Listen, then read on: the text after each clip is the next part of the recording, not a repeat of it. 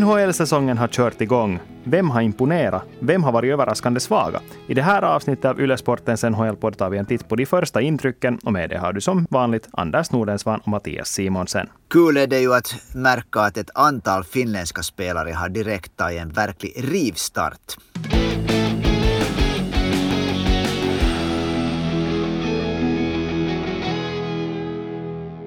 Ja, före vi tar itu med det viktiga så, så vill vi säga en sak. Någon har kanske sett det här än på Svenska Yles webbplats, men det är alltså så att den här podden blev vald till årets bästa audioinnehåll på hela Svenska Yle. Och en av de här orsakerna till det är att vi har en så trogen lyssnarskara. Så vi vill nu ta tillfället i akt att säga tack till alla er som lyssnar, för utan er så skulle vi inte finnas här i era hörlurar. Jag brukar säga att alla människor behöver någonting som de är barnsligt intresserade av. Och det här väcker nog en sån här ganska ödmjuk tacksamhet att en sån här kanske ganska galen idé om en svenskspråkig NHL-podd i Finland först fick tummen upp av Svenska Yle och nu också tycks ha hittat en grupp med människor som är lika barnsligt intresserade kanske som Mattias och jag gällande världens bästa hockeyliga och världens bästa finländska hockeyspelare. Mm. Och inte minst därför ska vi genast ta itu med några publikfrågor. För det går ju inte att undgå faktumet att det finns en viss finländare som har haft en, ska vi säga, helt okej okay inledning på säsongen. Martin undrar om inte Jesse Puljärvi är den lyckligaste finländaren för tillfället och Sami undrar om han till och med kan göra 80 poäng. Så Anders, du visste ju redan förra veckan att det här kommer att vara Jesse Puljärvis säsong. Så vad, vad kan man säga om hans inledning? Alltså jag sa ju förra veckan att våra tips är helt de är trygga nog för att föra till en bank, bank och räkna med avkastning. Det där, Nej, alltså det är ju, för det första ska jag säga att jag tror att vi är många som är så väldigt glada över att se att Jesse Puljärvi har det här hans glimten tillbaka i ögonen och ett sånt här brett smil. Han är ju ett, liksom på det sättet naturbarn. Han lever genom att spela ishockey. Det tror jag att man kan säga utan att känna honom personligen. Helt fantastiskt hur han har kommit igång. Jag skulle säga att, att nu märker man att han betalar tillbaka för det att man visar förtroende till honom han spelar nog mer rätlinjigt. Han gör mindre av de här stora, stora bandysvängarna på isen än vad han gjorde tidigare.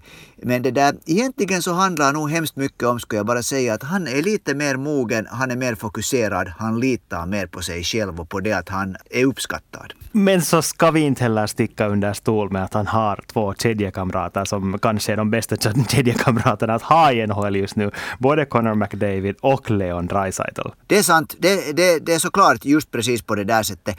Men man måste ju alltid se, om vi, om vi tänker på det som nu syns i statistiken, det vill säga hans börspoäng, så de här målen som han har gjort, så det har nog varit liksom en målgörares mål. Han hade där verkligen satt in pucken bestämt här senast mot Calgary med skottet mot Jakob Markström. Så det var världsklass på det skottet om man kan använda en sån här klyscha. Men när du nämner nu det här om, om det där att han har jättebra kedjekompisar, så det har han ju faktiskt. Många skulle kunna säga att det är de två bästa kedjekompisarna man kan ha. Men jag är lite förvånad över att Dave Tippett envisas med att sätta Leon Draisaitl och Connor McDavid i samma kedja när jag på något sätt skulle tänka att Leon Draisaitl skulle vara en solklar ledare av en an, andra offensiv kedja och då skulle Ryan Nugent Hopkins vara i tredje kedjan och Derek Ryan fjärde kedjans centrar. Så jag förstår mig inte riktigt på det här varför man sätter båda de här superstjärnorna i samma kedja men, men jag har för mig att du förstår bättre det än jag. Nej, alltså jag såg en grej på Twitter faktiskt som jag reagerade på som på många sätt verkar logiskt. För det här är tydligen någonting som Mike Babcock också gjorde i Detroit under deras glansdagar. Det var alltså NHL-journalisten Joni Nieminen som lyfte fram det här där. Att det vad det här potentiellt kan vara är det att man på hemmais har så att Dreisaitl och McDavid spelar i samma kedja medan de sen på bortais mm. spelar i olika kedjor. Så som det såg ut under försäsongen. Under de här sista förberedande träningarna så var det ju så som vi snackade om förra veckan att det skulle vara Hyman, McDavid och Puljärvi ettan och sen Dreisaitl i en tvåa. Men nu istället när de har inlett säsongen så har de ju för det första, de har bara spelat på hemmais så här långt. De kommer att spela på hemmais i natt också. Vi får antagligen ett svar ännu heller. Men det kan faktiskt vara att det här är det vad han är ute efter. För det här gjorde Mike Babcock i Detroit med Pavel Datsjuk och Henrik Zetterberg tydligen. Så. Om det, jag menar, det funkar för honom helt bevisligen och det har ju funkat så här långt för Edmonton, så vad skulle man nu börja ändra på ett vinnande koncept? Ja, det, det där stämmer så kan man ju motargumentera, nu har jag inte helt framför mig exakt i minne heller Detroits trupp på den tiden, men det där, jag har för mig att de här spelarna bakom Zetterberg och Pavel Datsjuk inte heller var helt fyskäms. Nej, det, det, stämmer. Och sen en annan sak som vi måste lyfta fram här när vi talar om Jesse Puljärvis poäng är ju det att han har fått spela powerplay trots att det inledningsvis såg ut som att han inte skulle spela i samma powerplay-femma som just McDavid och Dreisaitl. Men nu, nu är han ju där ändå. Just det. Och, och, det som jag till exempel gillade i den här senaste matchen var han, den här assisten som han, han det där gav till Connor McDavid. Det var en sån här, någon skulle kunna säga det var lite en kompispuck men han visste att hans kompis faktiskt skrinnade tillräckligt snabbt för att hinna till den pucken. Så det var liksom, tycker jag, när jag ofta har tyckt att Jesse Puljärvi kanske läser spelet lite fel. Så det där, det där tycker jag var ett exempel på att han det där äh, har blivit mognare också på den punkten. Mm. Och det här är ju en process som fortfarande pågår, för trots att han nu redan har hunnit bli 23 år gammal, som i NHL anfallarmått mätt väl ska innebära att man är ganska nära toppen av sin förmåga i dag, dagsläget känns det som. Om man jämför med de andra spelarna från han, hans årskull, Austin Matthews, Patrick Laine, det, det är sådana spelare som man redan förväntar sig att ska vara så bra som de kommer att bli ungefär. Så känns det ju som åtminstone. Men för Puljärvi är det, känns det ju fortfarande tvärtom som att han håller på att utvecklas fortfarande. Och det här var ju någonting som jag tycker att, uh, den här presskonferensen som säkert många har sett, som delades väldigt mycket på sociala medier, där både Leon Draisaitl och Jesse Puljärvi deltog, där de hade, hade så himla bra stämning efter den här segern över Calgary.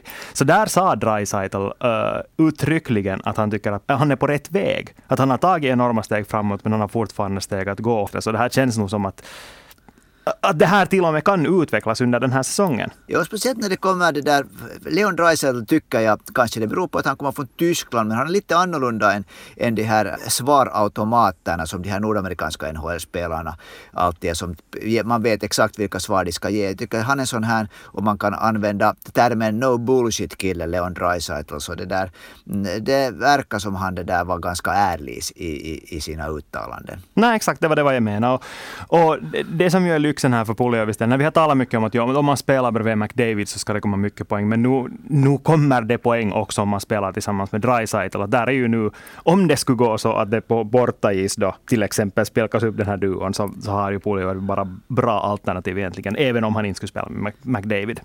Eh, vet du någonting som jag riktigt väntar på och ser fram emot? Det är att när man ser på Jesse Puljärvi nu så det där, han är ju en god bit över 190 lång och han har också liksom vuxit. Han har alltid tror varit lite så atletisk, helt som pojke, eller som, som junior. Men han är en verklig buffel. Nu Bison King kallas han ju där, det där i, i Edmonton efter, efter att han träffade på en, på en bisonoxe igen. Är det, där, det var väl någon sorts av zoo. Men det där hur som helst. Så jag väntar på att se det här att han gör en sån här Peter Forsberg, att han liksom kör igenom spelare som försöker stoppa honom. Mm, mm. Men om vi nu igen ska tona ner den här optimismen här lite, för vi är ju ändå finländare, så det kommer inte att vara sån här flyt genom hela säsongen. Det måste vi konstatera nu. Jag tror att det som kommer att definiera Puljärvis säsong, det som kommer att ge svaret på om det blir 80 poäng eller inte, är det hur han hanterar de här svackorna och hur Edmonton hanterar de här svackorna. Det, det tror jag kommer att vara det absolut mest avgörande för hans hans säsong. Ja, för fortfarande är jag åtminstone inte alls överraskad om att Edmonton är ett speciellt balanserat lag som helhet och det där just när det kommer att komma problem. Och jag tycker den här, no, vi får se hur det blir med den här envisheten med att sätta båda de här guldäggen i samma korg så det där. Jag åtminstone hoppas att det är någonting som då inte kommer att vara hela säsongen på samma vis. Men om vi flyttar över fokus till ett lag som inte lägger alla ägg i samma korg. Florida Panthers har också en finländare som har gjort överraskande bra ifrån sig enligt väldigt många. Anders, du är kanske inte ens som överraskad att just Anton Lundell har varit en av de piggaste finländarna under början av säsongen. No, jag, skulle, jag skulle just säga att det är bra du sa Anton Lundell, för jag antar att du inte menar liksom att Alexander Barkov har gjort över, överraskande bra ifrån sig. Det där, Nej, Anton Lundell har ju nog det där äh, han har nog åtminstone överraskat också mig med det här, hur moget han har spelat de här första matcherna. Och kanske då speciellt det som nu också har lyfts upp i rubrikerna, att han har fått jättemycket ansvar i boxplay och gjort det väldigt bra. Men jag tycker att han också har gjort mycket annat väldigt bra. Till exempel, ett exempel på att det här är en kille som nog tar sin utveckling på största allvar var att efter första matchen så var det ett jo men och det var att han förlorade 70 procent av sina teckningar. Nå, i andra matchen vann han 70 procent av sina teckningar. Så han har tagit, det såklart kan man inte switcha allt över en natt men ja, han har garanterat diskutera med sin, med sin värd Alexander Barkov, han bor ju hemma hos Barkov ganska mycket, vad skulle jag nu kunna göra? Och ty, tydligen så har de första tipsen direkt åtminstone delvis eh, förbättrat på det problemet. Mm. Det talas ju väldigt mycket om det här att just att det att Lundell får spela boxplay är en sån jag vet inte om man kan kalla det lyx, men det är ett ansvar som inte ens Alexander Barkov fick som junior. Och att det, det talar om någonting att han är en så exceptionell individ. Men nu ska vi också minnas det att Alexander Barkov inte hade Joe Kenneville som tränare då, då han var rookie. Mm. För Kenneville har ju erfarenhet av en lite liknande kille. Då skulle, nu ska jag kanske vilja dra en jämförelse mellan Anton Lundell och Jonathan Taves som spelar. Typ, att båda är sådana som kan ta ett sådant ganska stort defensivt ansvar från första början. Det tycker jag att eh, Jonathan Taves också gjorde. Oj, nu fick jag gåshud. Alltså, Jonathan Taves är en av mina absoluta favoritspelare under de senaste 20 åren. Det där var, det där var liksom otroligt. Jag har faktiskt inte själv tänkt på det där, men det där, det där var, tycker jag, fantastiskt. Och Jonathan Taves var ju också, han kallade, kallades ju för, vad var det, Captain Serious var det inte så. Han var ju också den här killen som direkt som tonår verkar väldigt mycket, mycket mer liksom fullvuxen han än han egentligen är och var. Och det är ju också något som är riktigt typiskt för Anton Lundell, att han, är ju, han beter sig på många sätt som en kille som är det där betydligt mycket äldre än, än, han, än vad han är. Så det där, det, där, det där kan faktiskt vara, hör du, exakt så. Vi har hela tiden sagt att, sagt att Anton Lundell påminner mycket om Alexander Barko, för det blir ju på, på något sätt givet när han är finländare. Men hör du, det där kan vara helt just precis så att Joel Kenville ser en ny Jonathan Taves i Anton Lundell. Mm. Men igen, det känns som att jag nu hela tiden tar på mig den här rollen som skruvar ner förväntningarna. Men nu ska vi också minnas det att hans roll fortfarande är att vara tredje center. Det kommer knappast inte att vara större heller. Alexander Barkov är etta. Han har gjort väldigt bra ifrån sig hittills. Inte överraskande bra, men kanske väntat bra. Men också Sam Bennett har varit glödhet så här långt under början av säsongen. Jo, men nu är ju Florida ett lag som, som det där kör helt tydligt med många cylindrar. Och tre av de här cylindrarna är offensiva. För om vi nu ser hur den tredje kedjan för tillfället ser ut nu inför nästa match så är det så att, att äh, Patrik Hörnqvist har fällts till fjärde kedjan med Joe, Joe Thornton och Ryan Lomberg. Medan Anton Lundell i tredje kedjan då har Sam Reinhardt på ena kanten och Frank Vatrano på andra. Och de här är ju båda faktiskt fotbollsspelare som är kända för att vara ytterst bra målskyttar. Så det där, nu är det ju lite tycker jag att man bygger en sån här tredje offensiv cylinder här också. Att det är inte bara tänkt att det här ska vara en kedja som liksom, hur ska man säga, skapar energi och ser till att motståndaren inte gör mål. Utan nu, nu det där tror jag att, att, att tanken är att, att de ska kunna producera framåt riktigt ordentligt också. Mm. Och eh, den här nya kedjan är så tillvida intressant att det här kommer att bli ett eldprov för Anton Lundell nu. För det har ju talats mycket om att den rollen han fick i den där kedjan passade honom så väl eftersom han hade så rutinerade spelare runt sig. Han hade en Patrik Hörnqvist där som har sett det mesta som går att se inom NHL.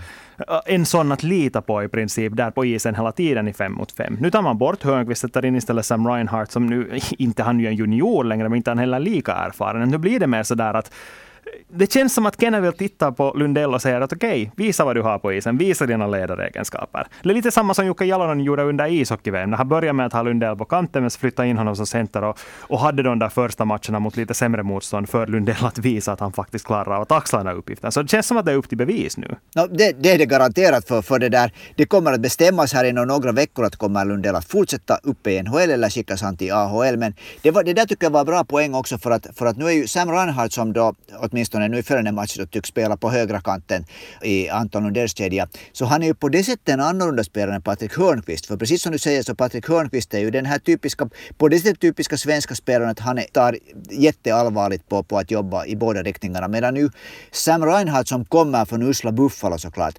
har blivit ibland väldigt starkt kritiserad för att han tappar intresse så fort pucken det där ändrar riktning och börjar åka mot det egna målet. I, i Joel Kennevilles lag så har han säkert inte möjligheter till att göra det. Men som du säger så det här blir intressant att se hur, hur den här kedjan, hur det här, hur det här passar för Lundell. Ja, nu när vi är inne på Anton Lundell skulle jag ännu vilja lite, lite det där äh, koppla tillbaks till den här entry-draften, reserveringstillfället 2020 när Anton Lundell gick som tolva.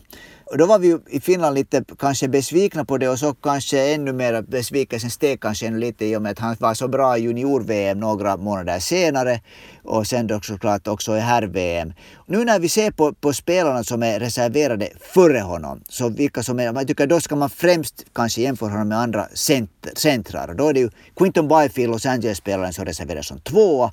Uh, så är där också då uh, Marco Rossi som nia och Cole Perfetti som tio äh, som har, som har gått före Lundell. Och jag skulle väl nog vilja säga att, att, att, att nu verkar det ju nog som, som Lundell kanske skulle ha varit lite underskattad i den här draften. Jag måste inflika här och säga att jag tror att det är på tok för tidigt att säga det. För grejen med Lundell var ju att han skulle vara mer redo än Perfetti och Rossi till exempel att börja spela i NHL. För han har spelat i ishockeyligan i flera år. Han har spelat mot vuxna män. Han är en sån kille som är i princip då för mogen för sin ålder. Det var snacket hela tiden om att han skulle vara redo för NHL mycket tidigare än de här till exempel andra, än just då till exempel just Perfetti och Rossi. Så jag tycker nog att det är lite tidigt att dra sådana slutsatser. Hör du. Ja, så det, det, det, det där skriver jag under definitivt, men att det där nu ska vi säga att jag, när jag har hela tiden reagerat på det, att jag tycker att Anton Lundell är den här typen av center som, han är, som kommer att vara en sån här tvåvägscenter tror jag att han kommer att liksom vara. Jag tror inte att han kommer att bli en sån här helt liksom kärna när det gäller att, att, att, eh, vinna poängligor och sånt. Jag kan hoppa, förhoppningsvis har jag fel med det här. Och jag har hela tiden det här, tycker jag, att de här lagen och scouterna i Nordamerika som gör de här susliga besluten har lite svårt riktigt att se hur, hur det där bra sådana här europeiska tvåvägscentra kan vara. Ja, men det här är nu lite samma känsla som Jack Hughes mot Kaapo Kakko, för då var det ju lite samma snack om att Kakko skulle vara den som är mer redo för NHL då de blev draftade medan Jack Hughes sen skulle köra om honom senare. Och nu känns det kanske som att Kakko aldrig fick det där genombrottet så snabbt som många hade väntat sig. Han har också haft mycket, många steg att ta, så där man talar om att anpassa sig till spelet i NHL. Men Jack Hughes har ju nu i början av den här säsongen känns det som på riktigt börjar ta det här allvarliga steget in till att vara den top forward som Devils tog när de tog honom som first overall. Jag är, är nog inte färdig ännu att liksom säga att, att Jack Hughes skulle bli en, en bättre NHL-spelare än Capo Kakko. Jag, det där, jag har mina dubier gällande det. Nej, nej, min poäng var här det att det, det, tog de här några åren för Hughes att utvecklas till en sån spelare som man kanske förväntar sig att han skulle bli. Och jag kan säga att det kan, min poäng är att det också kan gälla till exempel Rossi och Perfetti. Ja, Lundell det stället, han, är, han är liksom lite bråmogen om man säger på det sättet, det är han säkert. Men det där, uh, no, det, ja, vi får, vi får se. Ja, det där, ah, jag, jag har hemskt stora förväntningar på att han det där kommer att bli en sån här på annat sätt komplett center ändå. Marco Rossi kan jag inte riktigt ännu uttala mig, men Cole Perfetti tycker jag nog att det är lite, han är ganska liten. Han är nog mera en sån här, den typen som Jack Hughes, en sån här utpräglat bara liksom offensiv spelare skulle jag nu, den bilden har jag, men jag kan ju ha fel. Men vi tar och flyttar över till ett lag som har eh, bjudit på lite båda. Vi sa ju att vi skulle gå igenom både positiva och negativa inledningar på säsongen. På ett individuellt plan så har Miro Heiskanen ju haft en väldigt imponerande start på den här säsongen. Visst håller du med Anders? Alltså, ja, jag har, jag har sett två av Dallas matcher hittills i sin helhet och highlightserna från den där ena som han avgjorde det där. Och jag måste nog säga att jag, jag bara sitter och, och stirrar. Hur kan det vara att den här killen ser ut som han alltid skulle ha allt, alltid i, i världen där i, ett, i en liten rink och ett spel var det inte finns tid. Att jag, jag är nog det där otroligt imponerad av hur Miro Heiskanens ishockey ser ut. Mm. Så på ett individuellt plan tummen upp för Miro Heiskanen, men Dallas Stars som lag har ju verkligen inte imponerat till samma grad. Nej, de får ju inte in pucken i mål. Alltså de borde senast, senaste matchen de förlorade så vann de ju skotten helt överlägset mot Ottawa men, men lyckades inte göra mål. Så det här är nog någonting som det där, ett, ett stort problem. Och nu, nu det där hade ju varit så att, att Rick Bones, tränaren, äldsta tränaren i NHL, så han det där har envisats med att han, han sa helt tydligt att han vill att de här så, så han kallar liksom big guys äh, ska, ska stiga fram och då menar han helt specifikt Jamie Benn, lagkaptenen Tyler Seguin och Alexander Radulov, de dyraste spelarna förutom Miro Heiskanen i laget. Och det där att de ska liksom visa att de kan vara ledare. Och Radulov tycker jag att har varit någorlunda bra hittills men Jamie Benn och Tyler Seguin så har nog inte fått liksom helt enkelt resultat till stånd. Nej, jag håller med och jag tycker att det som är väldigt problematiskt för Dallas är att Jamie Benn är den spelartypen som han är. För om vi tar till exempel den här matchen mot Ottawa som exempel så killen kastar handskarna i det första bytet. Vem gör så? I ett läge i ett lag som har haft en lite svår inledning på säsongen, ett lag där tränaren säger att hej du, kaptenen ska stiga fram och göra mål. Så vad gör han istället? Han börjar slåss utan att ta ställning till slagsmål i NHL. Så är det ju idiotiskt att en lagkapten gör så i början av en match och tar ut sig i fem minuter i den första perioden där ett första mål väger väldigt tungt. Alltså, alltså ho, hoja är det enda jag kan säga. För att det här eh, referenten, den lokala referenten tog ju också upp det här och sa att att nu visar Jamie Benn att han har hört vad Rick Bones har sagt. Alltså jag vet inte, det här, är nog, det här märker man nog att det är ett, ett, ett stort hav här emellan. För det är ju det, är det värsta skräpsnacket. Vad fan har det att göra, ursäkta att jag använder det ordet, med att, med att göra mål om man liksom fäller handskarna i, i en helt löjlig situation i första bytet? Nej exakt, det var ju så otroligt lättprovocerat dessutom. Jag, jag, ja. Om du säger att du, du häpnades av att följa med Miro Heiskanen spela den här matchen så kunde jag inte sluta häpnas av hur lätt Jamie Blenn blev så provocerad att han ville slåss. Kanske det var det där där att han ville visa åt Rick Bonus att okej, okay, jag tänker step up nu och dra mitt strå till stacken. Men det där är ju inte det sättet som han ska göra det.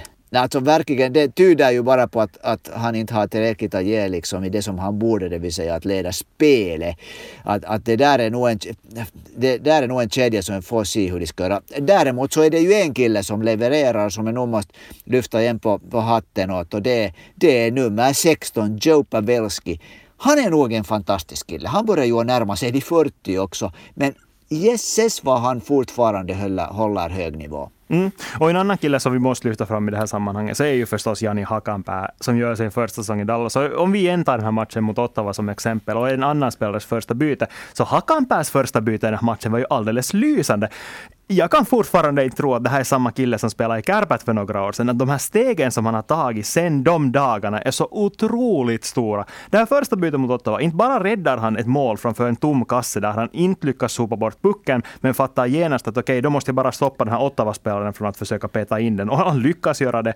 Sen vänder de till anfall i, efter en tekning och så håller han pucken inne i offensiv zon på ett ganska snyggt sätt och det leder sen till det att Dallas gör sitt första mål. Ja, alltså det, det, det, här har vi talat om tidigare och det börjar låta lite tjatigt men jag tror att vi måste ännu en gång ta upp det att Jani Hakanpää är på det sättet så härlig att se för att han är så i balans som ishockeyspelare när han vet vad han ska göra, vad han inte ska göra, vilka hans styrkor är och han, han, det där tycks, han tycks ha ett sånt här psyke också att han liksom han hålls så här samtidigt lugn men väldigt intensiv och det är nog en glädje att se hur Jani Hakanpää spelar ishockey. Men summa summarum, Dallas Stars har fortfarande mycket att jobba på för att bli ens ett slutspelsaktuellt lag.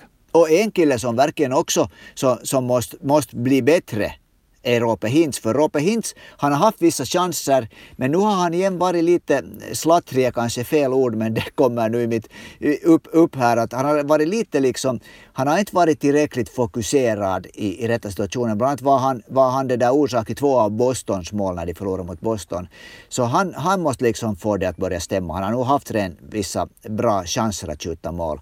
Men sen en annan kille som jag tror att kommer att börja så småningom att såga upp sig i, i, inom truppen är Joel Kiviranta. För han hör till de här killarna som varje tränare nu måste bara älska. Han, det där, han jobbar, jobbar, jobbar och gör liksom goda, bra saker varje gång han är på isen.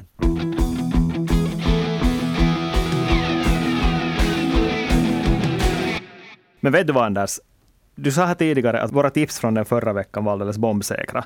Men det är faktiskt ett tips som du gav som jag vill ifrågasätta lite nu. För att med facit på hand så har Marc-André Fleuris inledning på sin session i Chicago inte varit helt problemfri. Nej, verkligen inte. Senast blev han utbytt. Och vi, vi måste också säga att Kevin Lankinen inte heller har kanske helt övertygat, men av de här två målvakterna som då ska bilda Chicagos tandem så har nog Lankinen varit bättre än Fleury. Fleury får ju såklart med sin stora lön så kommer han att få ett antal chanser nog. Det behövs mycket för att skuffa ner honom, tror jag fortfarande, från den här, äh, för att ha första spaden. Men om han fortsätter att, att, att spela så att han blir utbytt och Lankinen kommer in och gör bra ifrån sig så det där så vet man ju inte hur det går. Men kan man faktiskt tala om första sparen? För om du minns rätt så sa jag att de kommer att spela 50-50. De kommer att spela ungefär hälften av matcherna. Nu är det så att Fleury har fått starta två av tre. Lankinen fick starta den ena där i mitten och Lankinen blev inbytt i den här tredje. Så håller du fortfarande faktiskt fast vid att Fleury är den här klara ettan i det där laget? No, på det sättet håller jag, jag, nu säger jag att jag hoppas att jag har fel, men på det sättet håller jag fast vid det att när jag har liksom en hemskt stark känsla av att också, också baserat på vad de här äh, lokala äh, poddarna och så kallade insiders säger att när någon i NHL är en liksom stjärna och har en stjärnas lön så ska det helt otroligt mycket till för att, för att inte vara den här liksom uttalade ettan just en som, som målvakt. Det vad jag har hört så alla säger det som en självklarhet att Marc-André Fleury är etta i det där, eh, Chicagos första målvakt. Och det där, de kan ju inte dra det helt från hatten tycker jag. Nej, nu finns det någonting som talar för det också. Chicago Blackhawks kommer att spela mot Islanders i natt och då är Fleury inte ännu bekräftad, men enligt de insatta källorna så är han den som kommer att stå mellan stolparna. Men det där, uh, jag fortfarande, jag, jag tycker nästan, jag nästan hoppas att det skulle bli så att Lankinen skulle spela, säg nu så där 35 till 30 matcher. Jag tycker 30 till 35 matcher, jag tycker det skulle vara ganska optimalt för honom ännu. Att han, att han inte, inte, inte tycker att han ännu behöver vara den som direkt tar över allt ansvar där.